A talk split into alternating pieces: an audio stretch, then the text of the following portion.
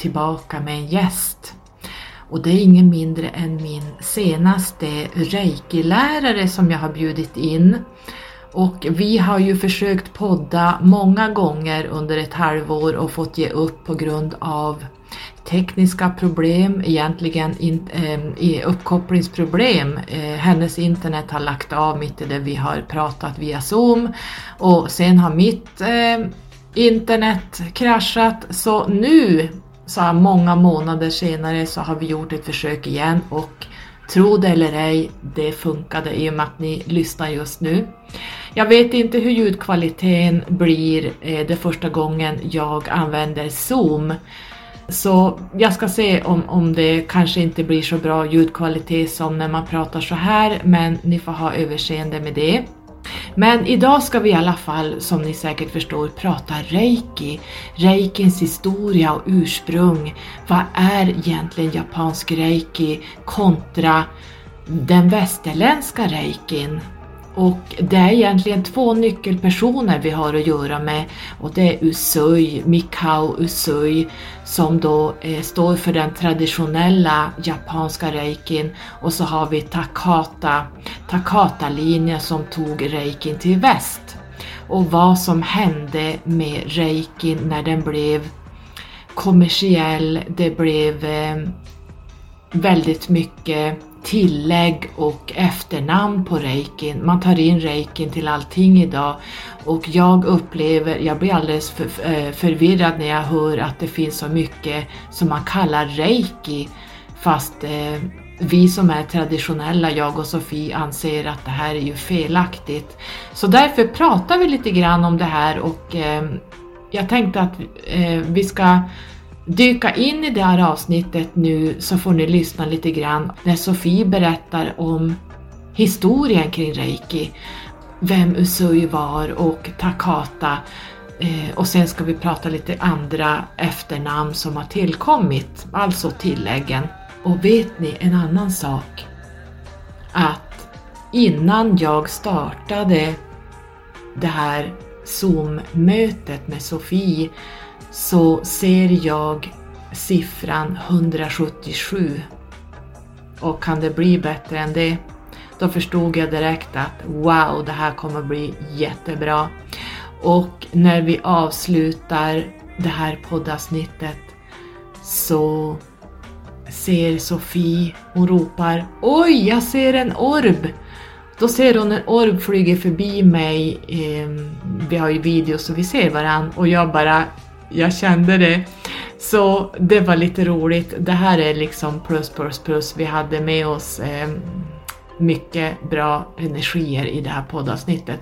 Så vi går in direkt tänker jag, jag ska inte sitta här och prata utan nu går vi in i reikins väl och ve. Vi är som sagt var traditionella och det är våra åsikter. Tycker man någonting annat får man tycka det. Men vi vill ge våran syn på det hela och så får man tycka precis som man vill. Men vi tycker att det är viktigt att vi pratar om det här och även att vi försöker separera tilläggen från den japanska reiken som den var menad. Så välkomna in!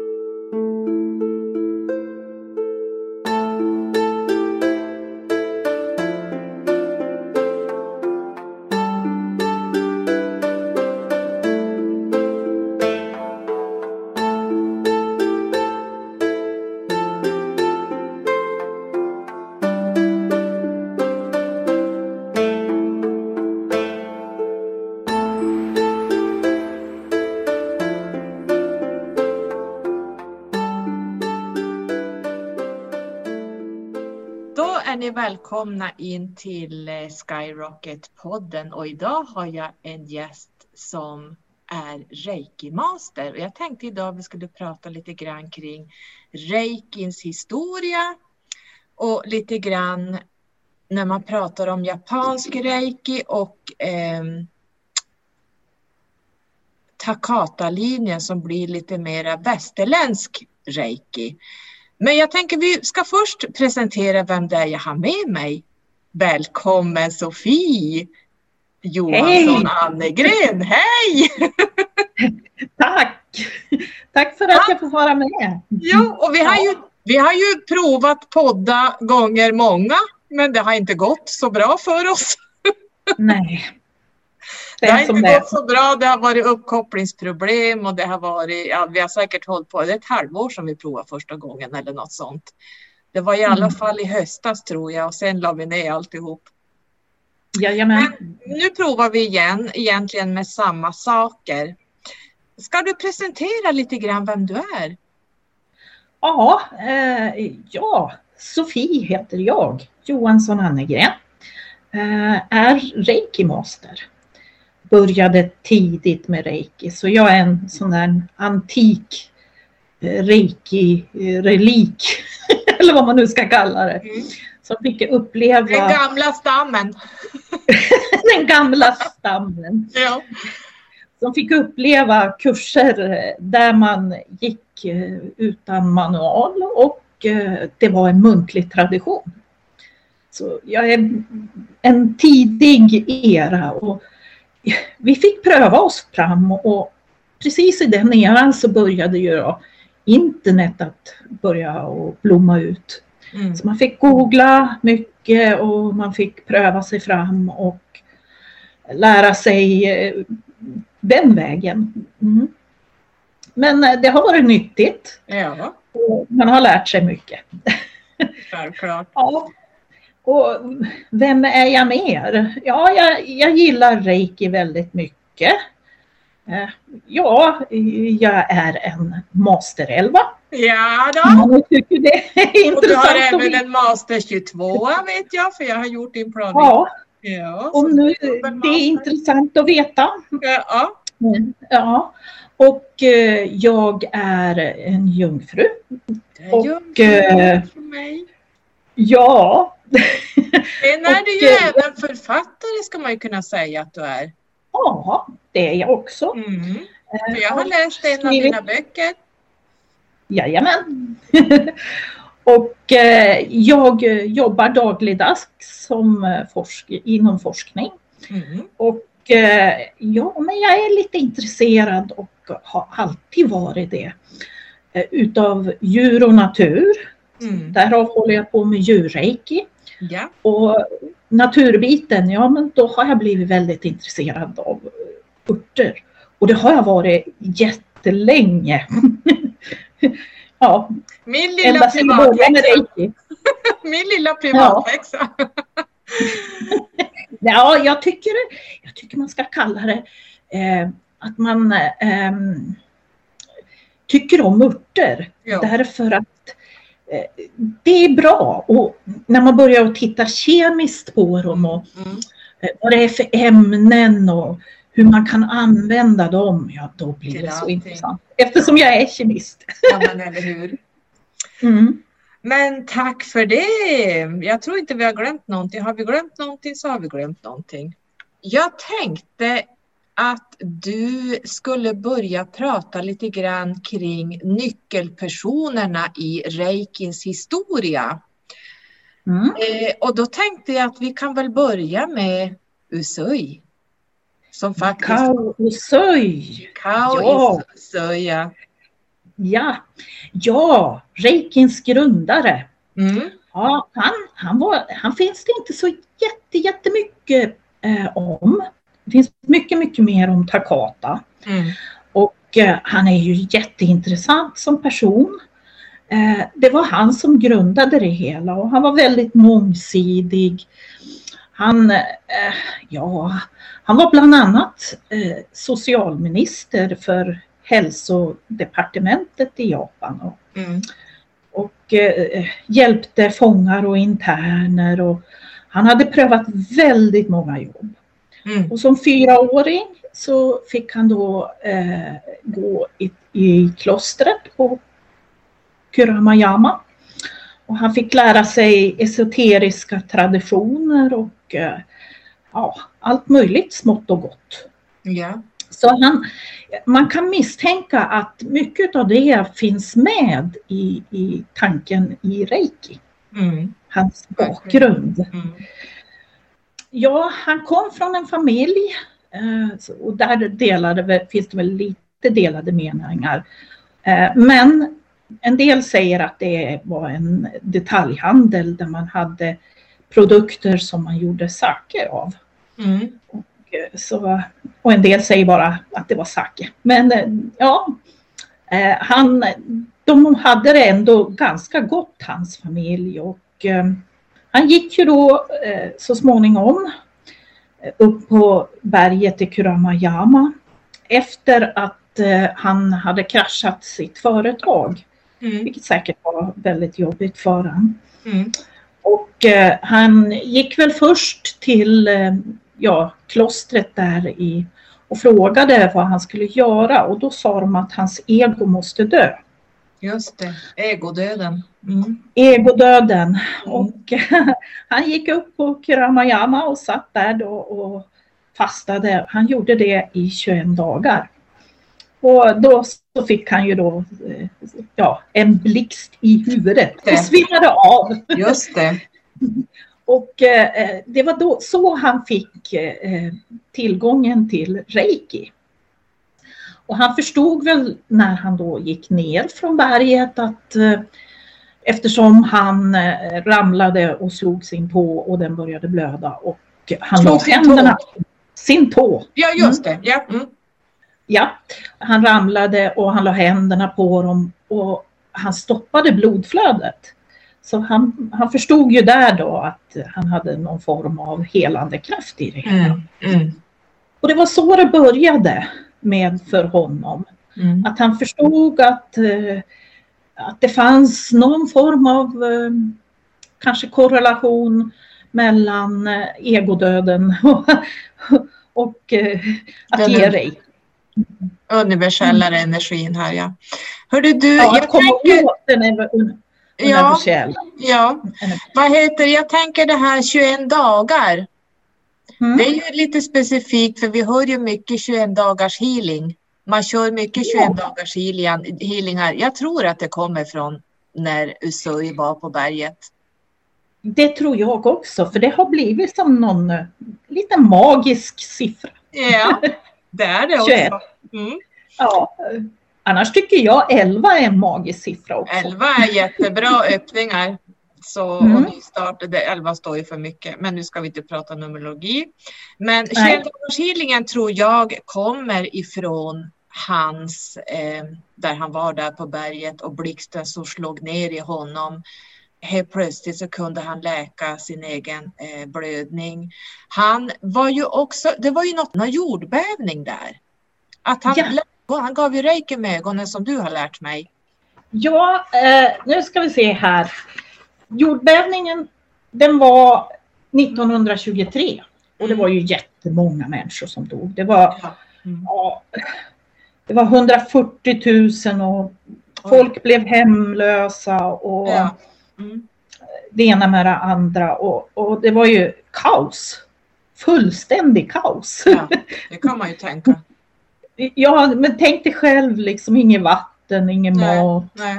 De som överlevde, ja de kan inte eh, hålla hygienen. Nej, nej. Det säger sig självt att eh, var man inte sjuk så blev man sjuk helt enkelt. Mm. Så att eh, det var ju en stor eh, ja, olycka som, mm. ja. Och då gick han ut på gator och hjälpte människor. Mm. Han gav dem reiki och, och ja. många blev mycket bättre. Mm. Så han blev ju som känd över en natt. Ja. Eh, för att han gjorde det. Mm. Men på något sätt så räckte han ju inte till att göra det här. Eh, för det, det, det fanns ju ohyggligt med människor som ja, var skadade. Mm. Ja, det slutade ju med att han då gav med reiki med ögonen. Och eh, med en hand och så med mm. fötterna. Så att ja, han, han gav ju fem personer samtidigt. Fatta. Ja. Vilken power. ja, wow. Reiki power. Mm. Vilket jobb. ja, fatta. Ja. Men han insåg väl så småningom att det här var väl liksom inte hållbart utan Nej. att uh, han måste lära flera. Så han började att lära flera då helt enkelt. Ja. som hjälpte till under eh, jordbävningen. Och det blev väl mer eller mindre lite grann så som eh, Gakai, den här gruppen som höll på med reiki startade. Mm. Och, och det, den blev väl att efter kriget så gick den mer eller mindre under jord för att det inte blev tillåtet längre. Nej, just det. Så att eh, ja, de, de hamnade i skym, eller ja, gick i under radarn. Just eller vad man nu ska säga. Mm, mm. Ja, han stötte på helt plötsligt den japanska militären som såg ett värde utav att eh, kunna exempelvis stoppa blodflöden, mm. hjälpa någon från smärta. Mm. Eh, innan sjukvårdare han dit och hjälpa dem. Och då, då var ju reiki bra. Så eh, han fick förfrågning av den japanska militären då att lära dem. Och där kom eh, Hayashi in.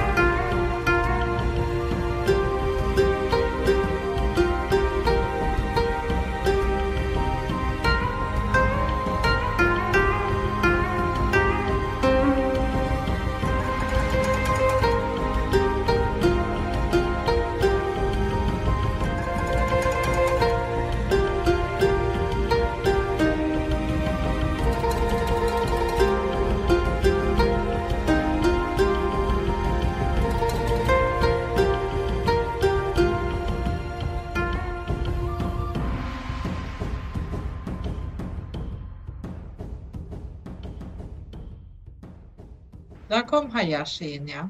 Ja, doktor Hayashi. Ja, doktor han, han, var ju, ja, han var ju då i militären och han fick lära sig då reiki. Eh, det var där symbolerna kom in. För mm. att eh, tidigare så lärdes reiki via eh, Kotodama och, mm. och Reijo då. Och ja. eh, det var där det kom in med eh, symboler. Han senare så lärde han då efter lite övertalning så lärde han då eh, Takata som förde det vidare till västvärlden. Vem var nu Takata?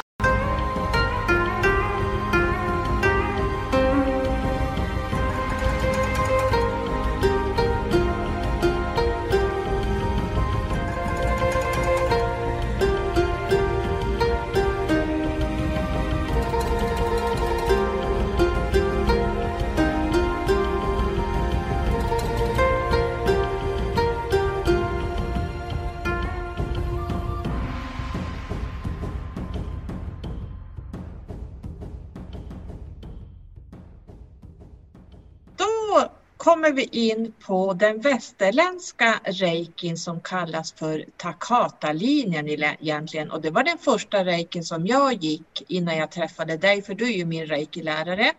Så jag har ju fått eh, den västerländska först och sen när jag gick hos dig så fick jag både västerländska och den japanska. Mm. Och jag tyckte ju, när jag fick testa båda två initieringarna så gillade jag ju den japanska bättre. Jag fick ja. jobb. Så att, jag tänker du ska få berätta lite grann vem Takata var och vad som hände när hon tog den till väst. Mm. Uh, ja, Takata var en kvinna som uh, levde på Hawaii. Mm. Uh, hon levde på ett ananasplantage. Hon gifte sig där med en man. Han blev sjuk. Mm. Och hon blev lämnad med två barn eh, själv på Hawaii. Ja, det fanns ju inte ett socialt nät som vi har i Sverige mm. där man då kan få hjälp eller på något sådant sätt. Utan det resulterade i då att hon fick jobba väldigt hårt. Många jobb. Vilket Länge. år pratar vi nu Sofie? Är det 1890 va? Hon född? Nej, men vänta nu. Då.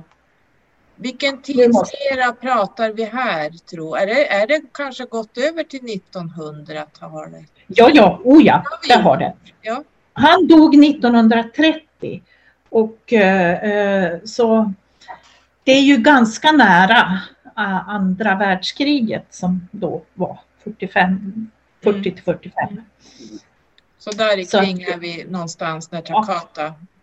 Ja. Mm. Och det finns ju en anledning det här kriget för eh, det startade ju med Pearl Harbor Mm. där då um, japaner gick in och bombade i, i Pearl Harbor Mm. på Hawaii Mm.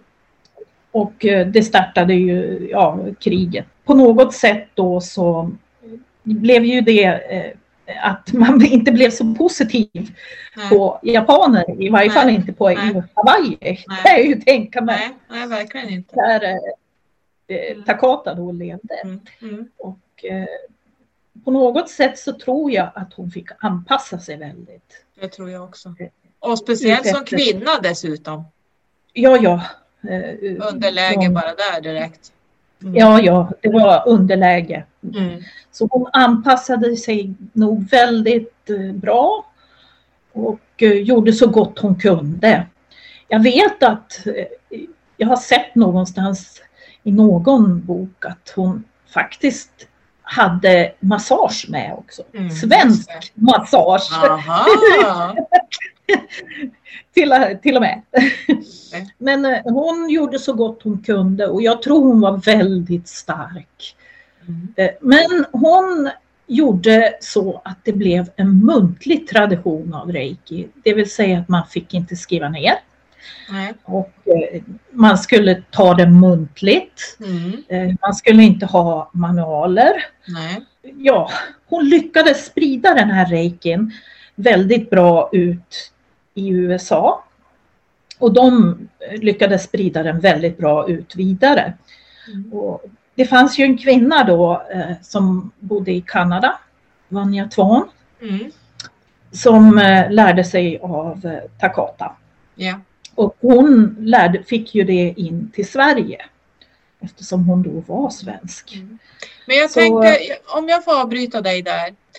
Mm. Jag tror jag avbröt dig tidigare. När det gäller Takata, visst, hamnade, visst blev hon sjuk? Ja. ja, innan hon lärde sig reiki Ja. så blev hon eh, väldigt, väldigt sjuk. Och, Ja. och hon blev ju nästan till dödssjuk. Och hon behövde göra en operation. Eh, men hon kunde inte göra operationen för att eh, hon behövde bli lite starkare först. Ja. Det var lite sådär Mm.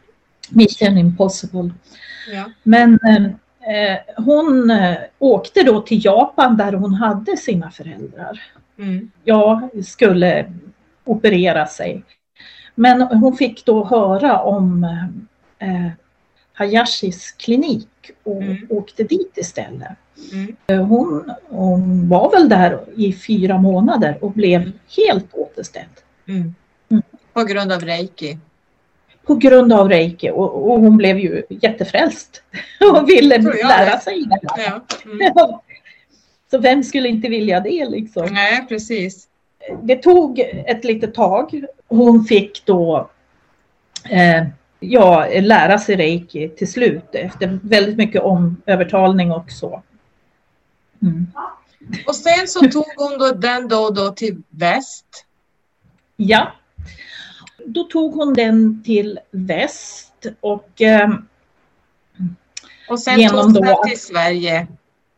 och så Ja. togs det till Sverige Som du berättade Och- via Vanja. Ja. ja, via Vanja. Mm. Mm. Det här var ju runt 90-talet när jag lärde mig reiki då. Mm. Och, och ja, de första kurserna var ju ja, muntliga. Sen så blev det ju i, i Sverige då blev det ju att man började att göra manualer. Mm.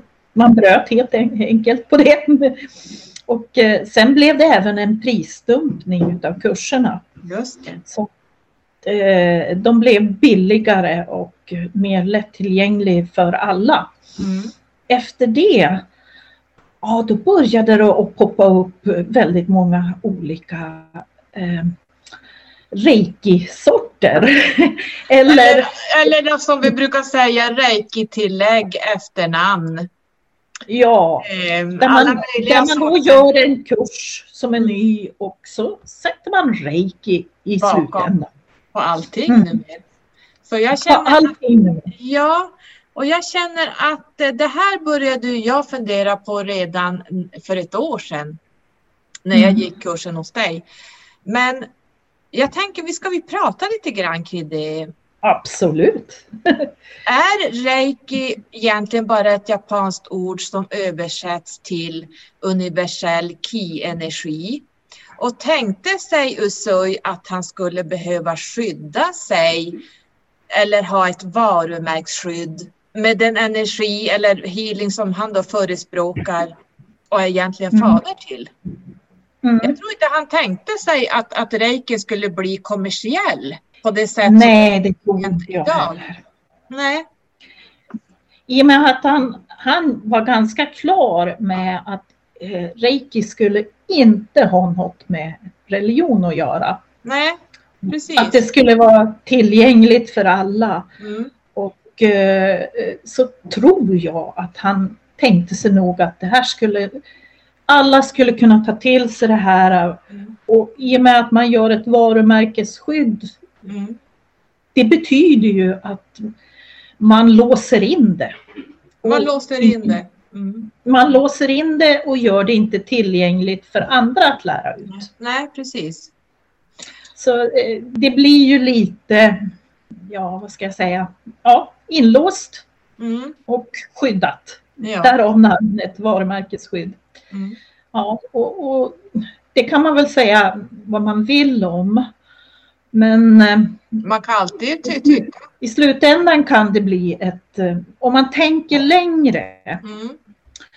Om alla varumärkesskyddar och, och, sätter upp gränser och uh, gör sitt och, och, talar om att det här är mitt revir. Mm. Eller vad man nu ska kalla det. Ja, men det blir ju så. Mm det blir ju lite revir. Ja, ja. Mm. Då, då, blir det ju till slut gör ju alla det och, och då blir det ju mer och mer kommersiellt. Kommersiellt mm. bråk. Ja. Eh, ja, du förstår. Ja, jag förstår precis. Det blir inte bättre. Nej. Och jag tänker då, eh, det finns ju väldigt mycket reiki-tillägg, eh, snedstreck efternamn eh, som inte har med Usui att göra. För Usui tror inte jag hade ett, ett varumärke till ordet reiki. Nej, Nej, det hade han ju inte. Och han skulle nog vända sig i graven om han fick höra det idag, tror jag. Att man gör ja. tillägg man kallar ju allting för reiki som är healing. Jag tycker det är bättre att man använder ordet healing bakom istället. För reiki är inte de saker som jag, nu, det här står för mig. Men mm. jag funderar lite grann på, det finns någonting som heter karuna och så finns det någonting som heter holy fire och så finns det någonting som heter angelic reiki. Så jag tänkte då ja. jag skulle bena ut lite grann vad det är vad. För det känns som att allting idag är reiki fast jag tror, jag tror Usui skulle vända sig i graven om han fick höra det här. Ja, alltså det, det är en djungel. Det är en, det är en reiki-djungel. Ja. Jag tror om, om man inte börjar prata och bena ut historien och vad som är vad, till slut så har vi en enda gröt av till slut kanske om 20-30 mm. år vet ingen vad reiki egentligen är för någonting från, från början. Nej, och, och alltså det, det är så många nya nu som mm. kommer till reiki mm. och eh, de lär sig någon sort eh, reiki-sort med light-varianter. reiki. Light-varianter. ja, light-varianter. ja. Och eh, lite så.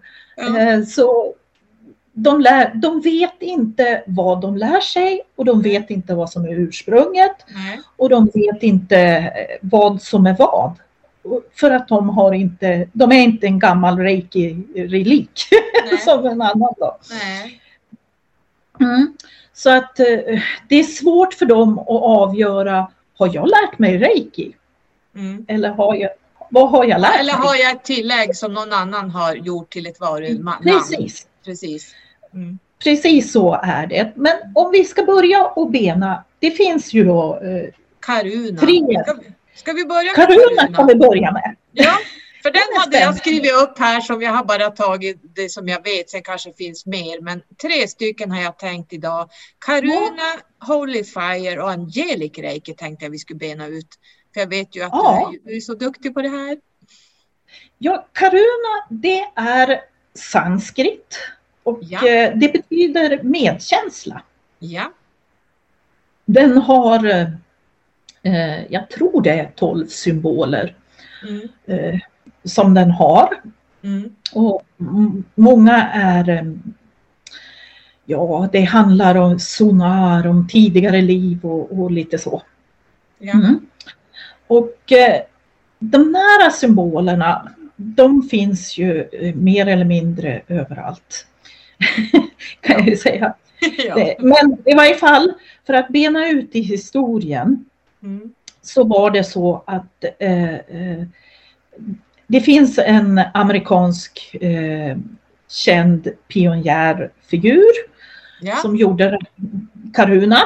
Mhm. Och så finns det en kvinna eh, som var lärare åt honom och de höll då en klass och kanaliserade några symboler. ja. Och eh, de här symbolerna varumärkesskyddades i Karuna. Mm. Och eh, kvinnan gick då vidare med det här och, och varumärkes... Eller jag tror inte hon var... Jo, det kanske hon gjorde. Men det blev Terramaj. ja Och, det. Jag har gått båda. Du har gått Och, det. De, det är ju betoning lite på olika och eh, Men ja, vad är det egentligen? Är det, tar man ner, alltså är det healing om man säger, nu använder det ordet, healing är ju allting. Men, men är, är det liksom reiki healing vi pratar om här eller är det någonting annat? Jag skulle säga att betoningen ligger på se- seiken. Eh, för jag tror att kvinnan har blivit inspirerad av en tysk. Ja, ja. det, från det, ja, det går i led det här. Mm, mm. Och, eh, så jag tror att det här är mera någonting från Egypten. Jaha, Lite mera Atlantis energier. energier. Åh, Då blir jag så här, upp, upp, upp, stopp där, det vill inte jag ha. du vet, jag gillar ju inte Atlantis. Okej, ja. Men det, det, det är lite, det är, jag kan inte se då att, det, att Karuna, heter det Karuna Reiki? Nej, det heter bara Jo. Karuna. Det heter Reiki. Ja. Det heter reiki. Det heter. Reiki. Så man har plockat in Reikin där, Usois Reiki som inte har någonting med det här att göra känner jag då. Om jag får Mm. säga mitt. Ja, ja. eh, men eh, Man har i varje fall. tillägg. Ja, det är tillägg. det är ett Och tillägg. man lär ju sig även eh, de vanliga reiki-symbolerna där. Så att Oj, oj, oj. på något sätt så är det med. men ändå inte. Om man säger så. Vilket jättetillägg hörru du. Det här... Det var ett tillägg kan man gott säga. Okej, not for me kan jag säga. Hur som haver, eh, de här två personerna, de hade ju samma, de lärde ju ut samma men lite olika Mm. touch på det hela. Eh, De hamnade i rätten med varandra. Och Just det, eh, det tror jag hört du har sagt. Ja. Mm. det resulterade i att då den ja, manliga förgrundsfiguren, i, han, han vann det hela. Och eh, ja, som det, det är bråk hela vägen Mm. om man säger så. Mm. Och ja, jag tror hon fick skriva på sin hemsida att eh, I'm so sorry Ja, och, och så vidare. Mm. Ja. Och, och det lustiga är ju då att eh, stora delar är ju ändå också taget från den här tysken. Jaha, okej. ja, mm. Lite så här eh, Lite soppa. hela. soppa, en soppa som allt, alla tillägg blir. Ja, så det var lite Karuna. har Ja. lärt mig den.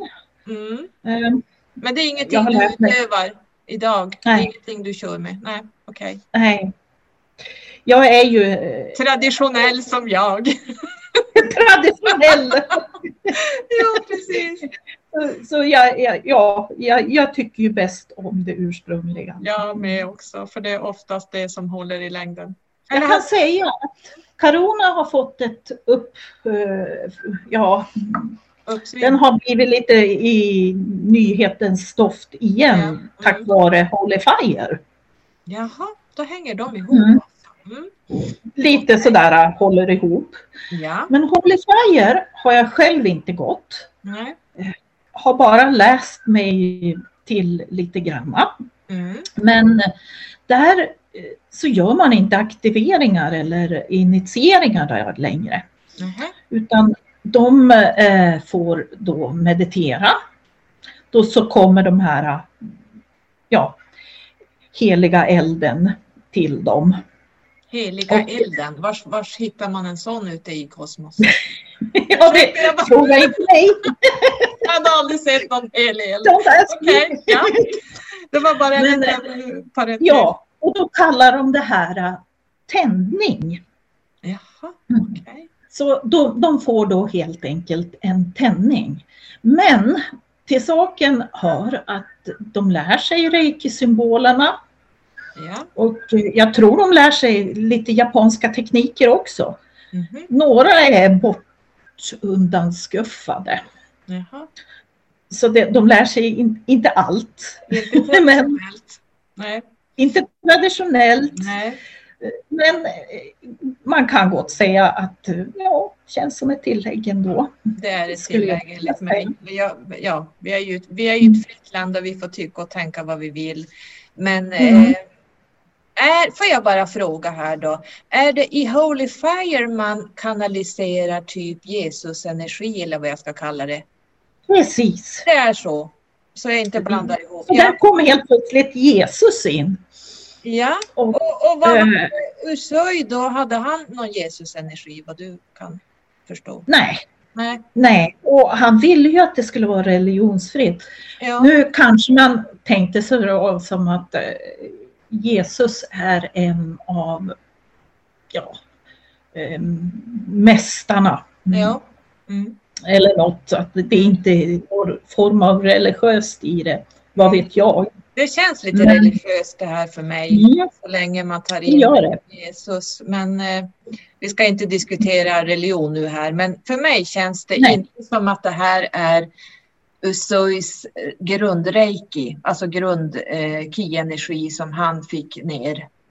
Nej, Nej, Eh, jag skulle definitivt inte säga att det är grundenergin. det är ett och det tillägg. är något annat. Mm. Och eh, egentligen är det ju synd att man, eh, ja det blir reiki för, ja, det blir ju som att man eh, till slut vet ingen vad som är vad. Det är det jag Mm. försöker, det är därför vi gör, eller jag vill göra den här podden med dig. För jag tycker att idag är allting en enda stor gröt. Ingen vet Ja. vad som är vad. Allting Nej. kallas för reiki fast det inte är det. Då kan man hellre Ja. kalla det eh, Holy Fire. Eh, det är någonting annat. Healing det Mm. är allt möjligt. Så att där ska jag kunna säga att Holy Fire Healing, då köper jag det. För då är Ja, det ja. en annan Och energi. att man då går och hämtar sina flammor. Då får de gå och hämta flammorna. Precis. Mm.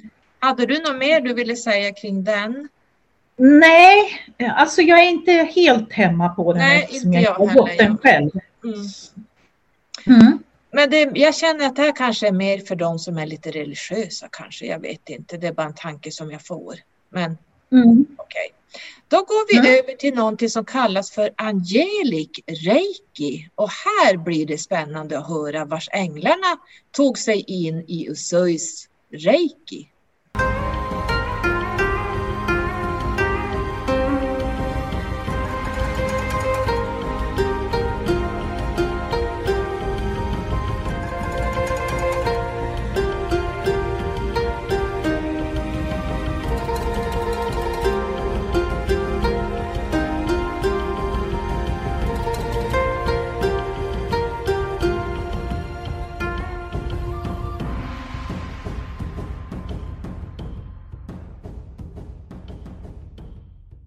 Ja, helt plötsligt kom änglarna in. Mm. Vilket inte fanns i ursprungsreikin Nej. eh, riktigt. Utan eh, där, där, var det, där var det betoning på energin. Ja. Och eh, helt plötsligt här så har vi en massa mm, mästaränglar och Jaha, eh, galaktiska guider och eh, ja, och en väldig massa. Det, eh, själva kursen eh, känns som att det är en blandning utav new age. Ja. Där vi plockar in det mesta av det. Mm. Mm. Och det är allt ifrån änglar, galaktiska guider. Vad mer plockar man in? Ja, man har lite utav uh, Baileys texter.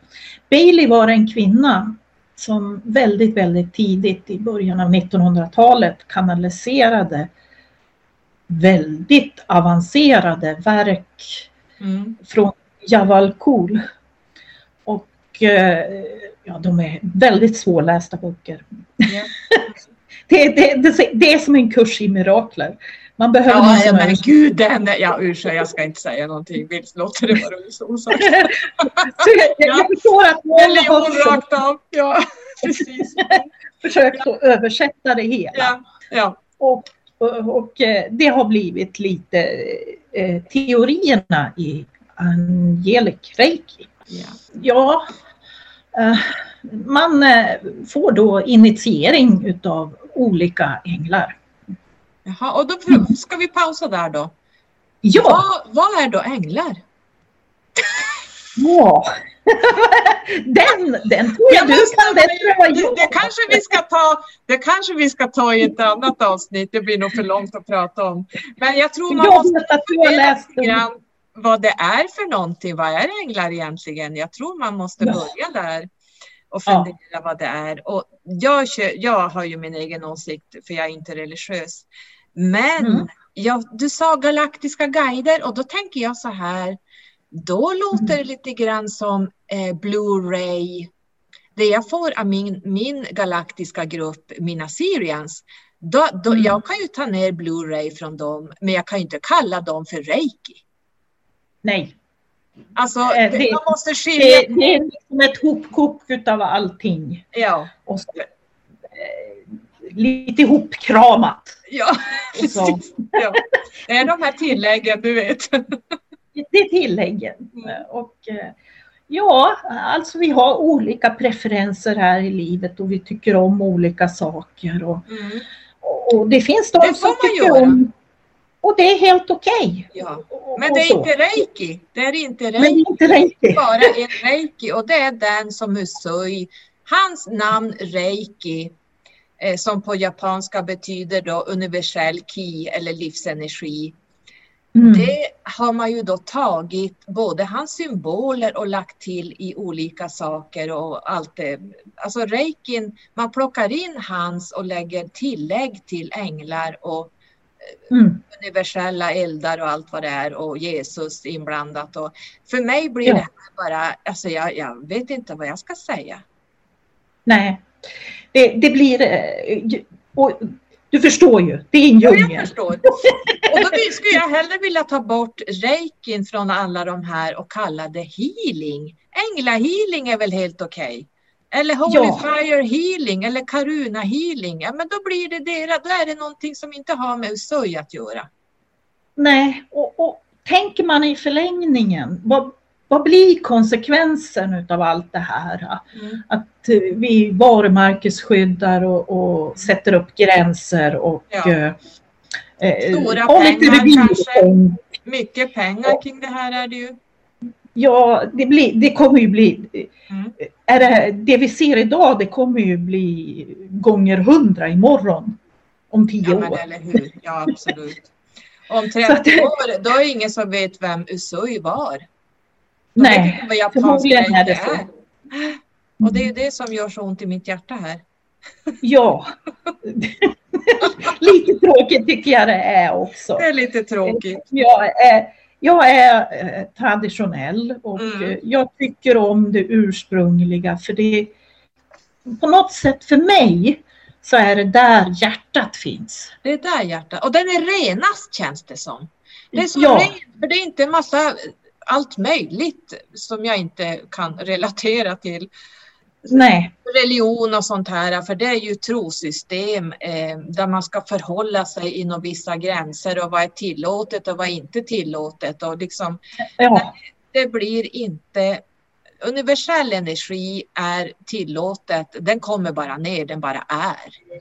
ja. Mm. Mm. Ja, så det absolut, jag håller med dig verkligen där. Mm. Och, och, och någonstans så tänker jag mig att eh, någonstans måste vi bevara våra traditioner. Mm. Och jag, jag tycker att vi ska bevara eh, den ursprungliga reikin. Att den ska få vara. För, ja, men, eh, jag gjorde, tänk dig eh, Kalle Anka på julafton. och, och vi har tjuren Ferdinand. Och helt plötsligt får han inte lukta på blommor. Nej. Nu ska, Ja, han, men- nu ska han stånga ner trädet eller göra något annat ja, som han aldrig precis. har gjort tidigare.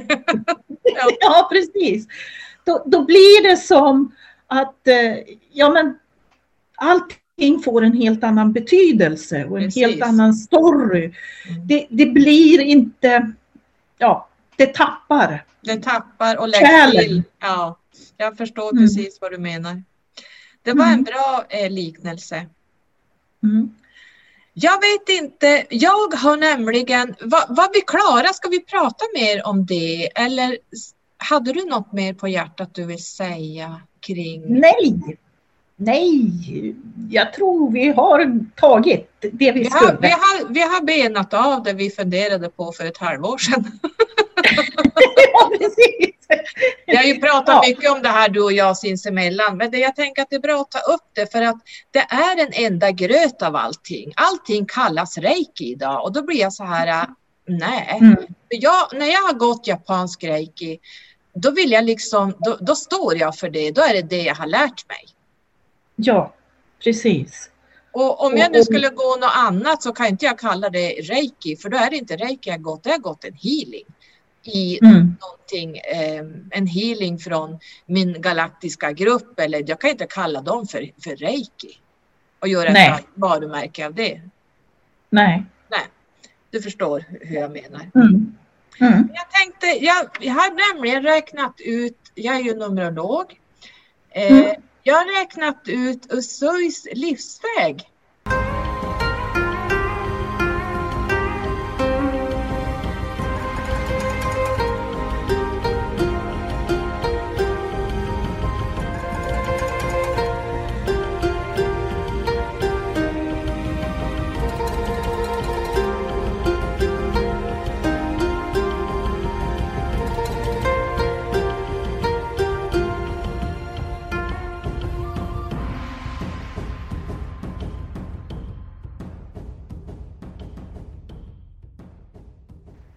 Han är ju född Mm. 1865 eh, den 15 augusti och han blev en sjua. Woo! Och då är man ju väldigt andlig lärare. Mm. Det är ju det som finns. Man är reflekterande sanningssökare, man jobbar inom metafysiken, man jobbar lite inom psy- psykologi, eh, man har en väldigt djupgående visdom, man intresserar sig för universums hemligheter och mysterier bland annat. Det är ju hur mycket som helst, men jag tar det grunden här bara.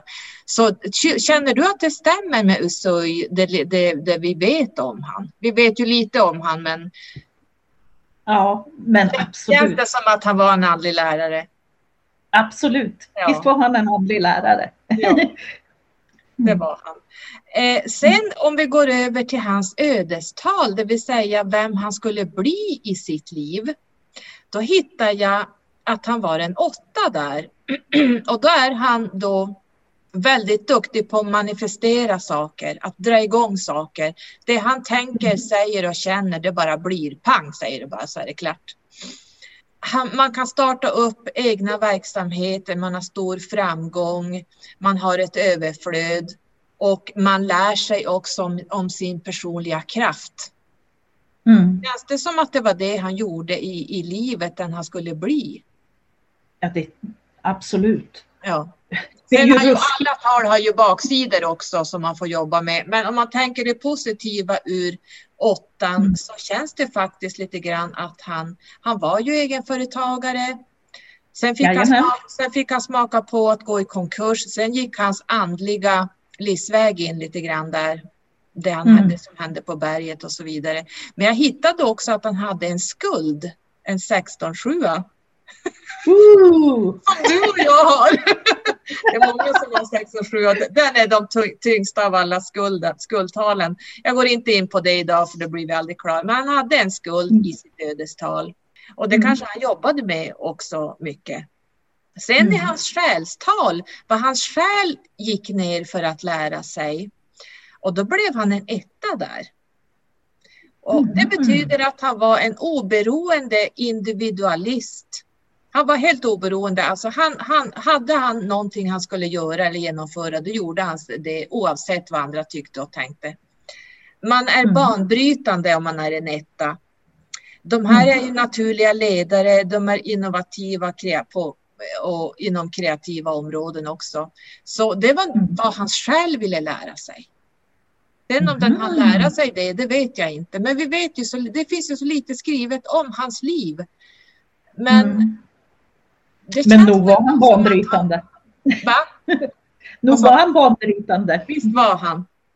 Mm. Ska vi då gå in på Takata har jag också läst. Eh, nu har jag bara gjort eh, de tre första i planritningen här. Jag hinner inte gå igenom alla nio, nio Ja. alla karman och allting. Men eh, Takata, kvinnan som tog reikin till väst, alltså till Hawaii och sen Mm. vidare upp hit via Vanja Twain. Så Mm. var hon en nia i sin livsväg. Mm. Och där är man en medkännande humanist, man är aktivist, man strider för olika saker. Nian står även också för avslut. Och jag ska Oh. berätta lite mer vad jag ser i det här. Så hon hade en nia i sin livsväg. I hennes Mm. ödestal, vad, vad hon ska bli i det här livet, så hade hon också en nia. Mhm, vad intressant. Både aktivist och medkännande humanist. Och Mm. i hennes själstal, vad själen går ner att lära sig, där var hon också en nia. Men hon var en trippelnia. Ja. Så att det verkligen, hon, hon hade verkligen gått in i niorna tre efter varann här, de tre viktigaste talen i numerologiska eh, planritningen. Och nian står även för avslut och jag känner att kanske avslutade hon Usuis reiki där. Att det blev tillägg. Om jag tittar lite djupare på det. Att hon avslutade och påbörjade med tilläggen och sen har ju de bara blivit mer och mer och mer. Mm. Jag ser det så. Man kan, det, all, det finns ju aspekter på allting. Men jag ser det lite grann som att Usuis reiki slutade egentligen med henne. Mm. Hon började med lite tillägg och sen blev det mer och mer. Ja, Och det finns ju orsaker till varför hon var tvungen göra det. Hon var ju kvinna, det var det här kriget, hon var i underläge. Ja, bla bla bla. Ja. Att det finns ju orsaker till varför hon gjorde det. Det finns orsaker. Mm. Jag tror att hon hade ärliga intentioner. För Det tror jag med. det, fin det finns någonstans eh, som jag har hittat att hon eh, gick upp i senaten och föreslog Mm. Mm. att reiki Aktivist. skulle vara... Aktivisten. Ja, där. är aktivisten. mm. Ja, föreslog att reiki kunde vara ett bra sätt för Ja. eh, äldre och så vidare. Mm. Så hon hade ärliga intentioner Ja. och eh, gjorde så gott hon kunde. Absolut, och med, med de förutsättningar som var då i kriget och Mm. eh, allt som var då. Och kvinna och så det här, ja men vi, vi kan ju inte ens föreställa oss det liv. Jag har ju läst om henne i din bok, men eh, Ja. hon hade det ju inte lätt alltså. Nej, nej, absolut inte. Nej. Ja. Men hon gjorde det så gott hon kunde. Som vi alla kvinnor gör, så gott vi kan. Ja, ja. vi är faktiskt. fortfarande i underläge, men vi eh, kämpar på här. Mm. Vi kämpar på. Ja. Absolut. Men du Mm. Sofie, är vi klara för idag? Ja, vad intressant att höra om siffrorna. eh, Tycker jag. Ja. Jag, Och jag hade inte räknat ut Takata, men nu gjorde jag det precis innan här. Mm. Och hon hade tre nior rakt ner. Sen är jag bara inte, jag har inte räknat något mer på henne, men eh, det skulle vara roligt att veta vad hon hade för karmiska lektioner. Vad hon, hade. hon hade också, vänta nu ska vi se, hon hade också ett skuld, en skuld. Hon hade en Mm. skuld i sin själ, hade hon en skuld. Mhm. Så ja, Mm. ingen av dem var mä- mästare och det blev jag lite förvånad över. Ja, det var lite eh, Ja. spännande. Men sjuan slår ju nästan högst av allt så att eh, Ja, den, den är ju, det är ju i- inne, inom våran krets är ju sjuan väldigt, eh, vi tycker om den för den är ju det andliga läraren kan man säga. Och jag kan ju Mm. avslöja att du har ju en sjua i ditt mognadstal. Du, din sjua har gått in när du blev 40-45 mm. och du är ju eh, inne i sjuan och jag har tre sjuor så jag undrar på att man är som man är. vad roligt. ja. Ja, vad spännande! Ja, Numerologin avslöjar mycket men eh, vi hinner inte ta det idag för då slutar jag aldrig prata. Men tack ska du ha för att du har varit med Sofie. Tack, tack. Vars hittar man dig? Ja, det var så roligt. Vars hittar man dig om man, om man eh, vill komma i kontakt med... Du, du har ju reiki-kurser. Du är ju reiki-lärare. Mm. Du lär ut ja. japansk reiki, men även Ja. västerländsk. Mm. Ja, precis. Eh, man kan hitta mig på Sofie J.A.S. Visdom. Ja. Mm. Jag, vet du vad jag gör? Jag lägger länkar under i poddavsnittet här till dig så kan man klicka in sig på din hemsida och din Instagram. Mm. Låter jättebra. Det låter väl bra? Så hittar man Mm. till dig. Jajamän. Tack ska du ha för att du var med. Tack, tack. Puss och kram, hej då! Puss och kram, hej då!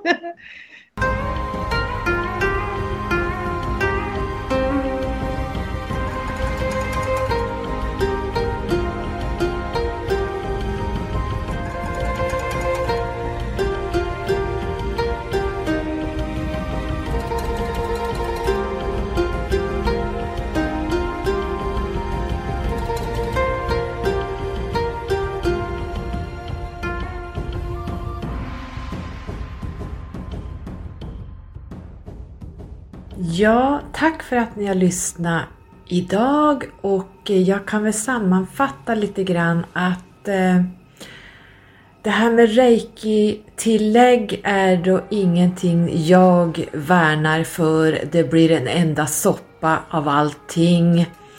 Jag skulle ju i så fall kalla min Blu-ray healing som jag får från min Sirian-grupp, mina galaktiska guider, Sirian Reiki. Skulle det låta fint? Nej, jag tror inte att ni skulle tycka att det var reiki. Det är precis samma sak som när man använder Holy Fire och eh, Angelic Reiki. Det här har ingenting med Usui att göra, den japanska ursprungsreikin, det vill säga ursprungshealingen och hans symboler som han själv kom med. Man kan ju liksom inte lägga för mycket på tårtan för ni vet det blir ett enda eh, sörj.